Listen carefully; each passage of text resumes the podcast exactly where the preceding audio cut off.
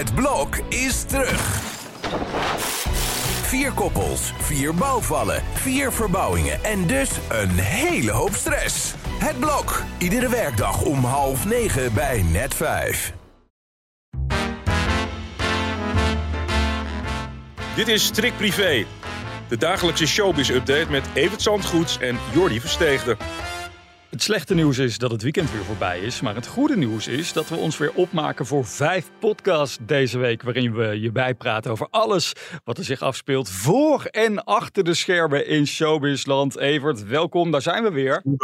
Goeiedag, daar zijn we weer. Ja, Haga, er komt vanzelf weer een weekend, joh. Die weken die vliegen voorbij. Zeker. En eerst uh, gaan wij het even hebben over iets wat ons is opgevallen voor de schermen in Showbizland. Nou ja, in Sportland eigenlijk. Heb je Jan Smit zien zitten op die tribune? Nou, wat, wat was dat? Dat kan je toch niet meer voorstellen dat die jongen ooit Jantje Smit genoemd werd. Het was echt een, een Oh, dat zijn echt van die foto's die ik zelf ook eens van mezelf gezien heb. En van zo'n wake-up wake-up call is dat. Dat je denkt van, oh, nu moet ik er echt wat aan gaan doen. En dat had ik zelf ook. En uh, dat is een jaar of drie, vier geleden. En dat heeft hij nu, denk ik. Die duikt vanmiddag nog de sportschool in. Dat kan toch niet dat je op je nog geen veertigste met zulke onderkinnen op de tribune van een, van een notabene een sportclub zit waar je zelf de voorzitter van bent. Nee, dat, daar, daar moet echt even wat aan gebeuren, Jan. Iets uh, anders dat dit weekend heel erg opviel en waar eigenlijk alle ogen op gericht waren. Five Live, de nieuwe serie van Linda de Mol.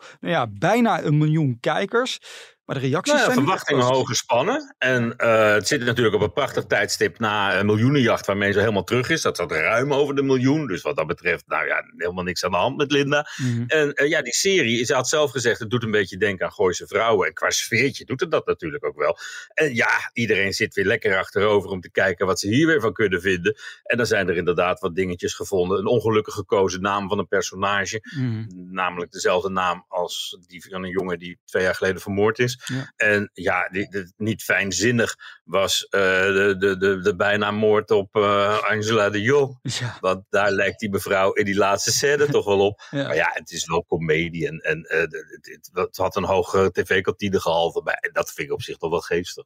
En Linda liet zich trouwens afgelopen vrijdag voor het eerst weer in het openbaar zien. Hè? Heeft zijn oeuvre award uitgereikt aan Wil Koopman, ook de regisseuse van deze serie. Als als grote verrassing. En op, het, op de Utrechtse filmdagen was dat wel even een momentje. Uh, iedereen zei vervolgens van ja, ze sneakt het gebouw uit. Maar, in, in, maar dat had er natuurlijk alles mee te maken dat het een verrassing moest zijn dat zij die prijs uitreikte. Dus dan kun je moeilijk een andere entree maken. Ja. En uh, ja, nou, dat, he, dat heeft ze gedaan. En zo waagde ze zich voor het eerst weer onder de mensen.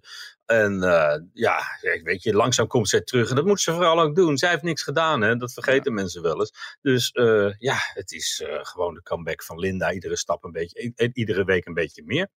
Voor het weekend schrok ik in één keer toen ik beelden zag van Nicole Gillis, hè, de bekende vriendin van uh, massa-ijskassa Peter Gillis.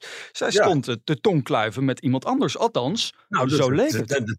En de tweede keer al. Ja. Hè? Een paar maanden geleden dook dat op. Alleen uh, toen bleek het een hele goede vriend van de familie te zijn om wie het ging. En Peter Gillis stond er ongeveer naast, geloof ik. Maar die was eraf geknipt van die schokkende foto. Ja. En nu staat ze in het openbaar op een parkeerterrein te zoenen met iemand. En er zijn weer beelden van. Alleen, zij laat aan ons weten dat ze het helemaal niet is. Oh. Dus voor de tweede nou. keer is het een kanaar van je welste. En ja, zij zegt, ik ben toch niet zo stom dat ik op een parkeerterrein gewoon ga lopen uh, uh, tongworstelen met die man. Ja. Dus uh, zij ontkent nadrukkelijk dat, uh, dat, dat, ja, dat, dat zij het is op die foto. Nou moet ik zeggen van de Gillissen, die hebben wel eens vaker wat herkend. En ook, ook was het code rood. Het bleek toch geen, uh, niet helemaal onzin te zijn.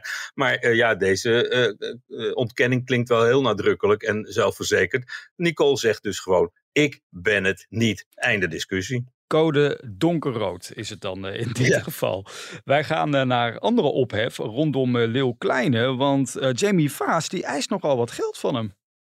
Ja, ik weet niet wat ze dat kind voert, maar ze heeft 7500 euro nodig om een, een peutertje te, te, van eten te voorzien. Nou. Dus dat lijkt mij een, een riante toelage waar ze weinig kans op maakt. Want ja, elke rechter zal zeggen, uh, ga maar werken voor je geld. Jullie zijn niet getrouwd geweest. En ja, natuurlijk moet er betaald worden voor de zorg van die kleine, maar de, de, de, de baby dan in deze. Ja. Uh, Hans, ja, in dit onderwerp krijg je gauw misverstanden. Ja. Dus de kleine zal moeten betalen voor die andere kleine. Maar het is, uh, ja, het is natuurlijk dat zijn geen reële bedragen natuurlijk. 7500 euro in de maand. dat zou iedere moeder wel aan het kind willen besteden. Maar dat gaat waarschijnlijk niet gebeuren. Maar het geeft wel aan dat er een beetje schot zit in die zaak. En dat wordt tijd ook, lijkt me. Ja, eind uh, deze maand van oktober, dan uh, staan ze samen in de rechtbank. Hè? Dan gaat die, die zaak rondom die mishandeling ook beginnen. Dus ik ben, ben benieuwd hoe dat gaat eindigen. Over rechtszaken gesproken. Even. Ja, en los daarvan gaat het natuurlijk nog over horloges die terug zouden moeten, maar die zij al heeft verkocht. En, en ja, het is een heel onverkwikkelijke zaak waar, waar maar eens iemand snel een klap op moet geven. Zodat al, dat ze allebei verder kunnen zonder elkaar. Ja, waar Leo uiteindelijk ook het kind slachtoffer van is. Laten we dat ook niet vergeten.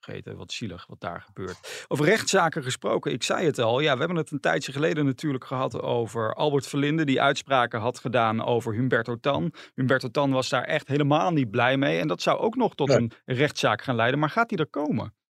Nou, waarschijnlijk wel, want Umberto heeft die zaak gewoon doorgezet. Eigenlijk horen we er helemaal niks van, maar dat geldt voor de meeste zaken in de showbiz. Het, duurt allemaal ontzettend lang. En Albert heeft een uh, jubileum verzonnen, een 30-jarig jubileum. En dat wordt uh, dit weekend uh, uitgebreid bij stilgestaan op covers van omroepbladen. En de shownieuws had hij een groot interview. En natuurlijk kwam deze zaak ook ter sprake. Ja. Maar ja, Umberto die heeft die zaak aangeslingerd bij justitie. Nadat hij eerst had de kans had gekregen om excuses te maken. Albert is een keer naar hem toegelopen, vertelde hij in dat interview met shownieuws op het AIDS-gala. En uh, daar geprobeerd om nog een keer te praten, maar dat, dat schijnt niet tot heel veel geleid te hebben. De zaak die uh, gaat gewoon door. En net als alle anderen op de stapel moeten we gewoon de uitkomst daarvan uh, afwachten. Albert zegt zo langzamerhand van ja, ik blijf excuses maken. Hm. Maar ja het, ja, het feit is gewoon dat het een heel ongelukkige uitspraak van hem geweest is. Waar hij de consequenties van tegemoet gaat zien. En of dat nou vroeg is of laat, op een gegeven moment zal iemand daar een, een oordeel over vellen.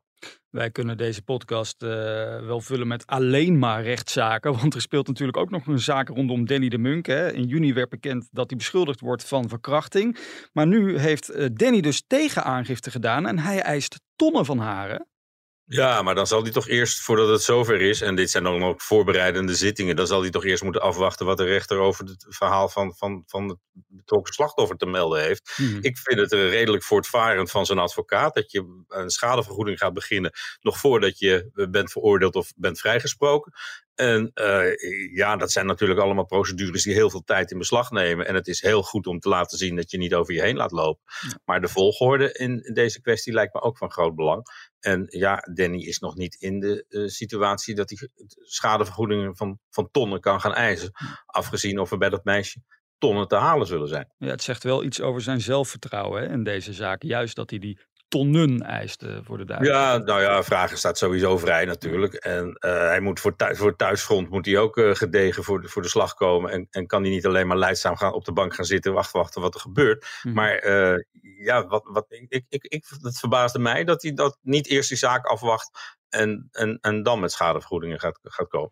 We gaan afwachten hoe die zaak afloopt. En dan hebben we het er weer over in een van onze volgende podcasts. Om te beginnen morgen, want dan zijn wij er weer om 12 uur. Jongen, niet te geloven. Nou, dus de vaart zit er weer in. Tot morgen. Prettige dag.